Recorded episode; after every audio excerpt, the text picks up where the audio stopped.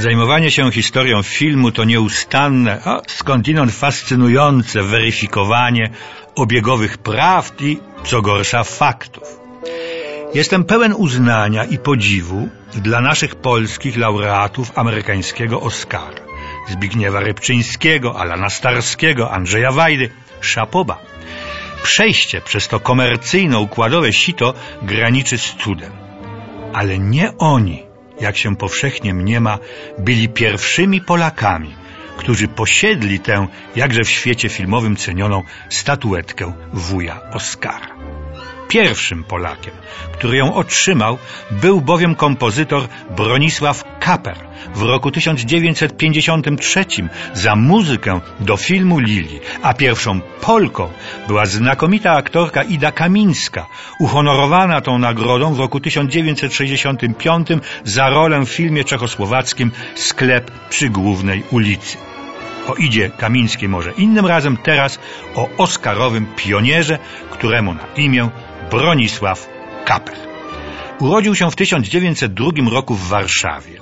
Kończył jednocześnie prawo na Uniwersytecie Warszawskim i Wyższą Szkołę Muzyczną, klasę fortepianu i kompozycji. Jak to ładnie pisano, początkowo zamierzał się poświęcić muzyce poważnej, los rzucił go jednak w objęcia lekkiej muzy. To znaczy zaczął dla chleba, panie dla chleba, pisać piosenki dla kabaretów.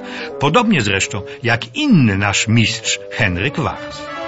Kaper pisał muzykę do piosenek kabaretowych również w Berlinie, do którego pojechał, by kontynuować studia muzyczne. Krótko mówiąc, coraz większym uznaniem cieszyły się jego kompozycje zarówno estradowe, jak i filmowe, jako że w tym czasie, przełom lat dwudziestych i trzydziestych, wielki niemowa przemówił.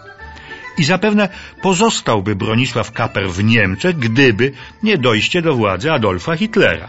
Kaper wiedział, co to oznacza i wyjechał wraz z innymi do Paryża. Jego piosenka Ninon, napisana specjalnie dla Jana Kiepury, stała się wszechświatowym przebojem. Co więcej, spowodowała, że amerykański potentat filmowy Louis Mayer, ten od MGM, Metro Goldwyn Mayer, podpisał z Kaperem kontrakt, który związał go z tą wytwórnią na prawie 30 lat. I przez te lata Bronisław Kaper był jednym z najbardziej cenionych kompozytorów muzyki filmowej w Hollywood.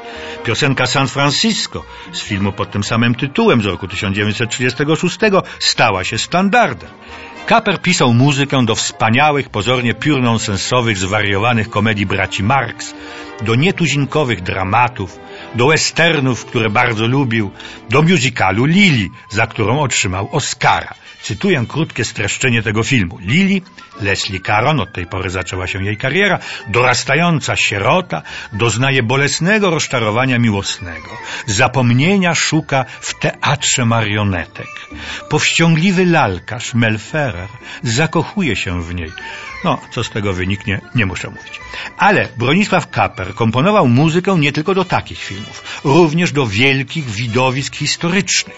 Na przykład do legendarnego, choć niezbyt udanego, Buntu na Bounty z 1962 roku. Film oparty był na autentycznych wydarzeniach z końca XVIII wieku. Na żaglowcu Bounty dochodzi po starciach między despotycznym kapitanem Trevor Howard a oficerem sam Marlon Brando do buntu załogi. Bronisław Kaper napisał tak dobrą muzykę do tego filmu, że został nominowany do Oscara. Kaper należał do tych kompozytorów pracujących dla Hollywoodu, który gdy przestał zaspokajać potrzeby wytwórni, został przez producentów odstawiony na boczny, a raczej ślepy tor.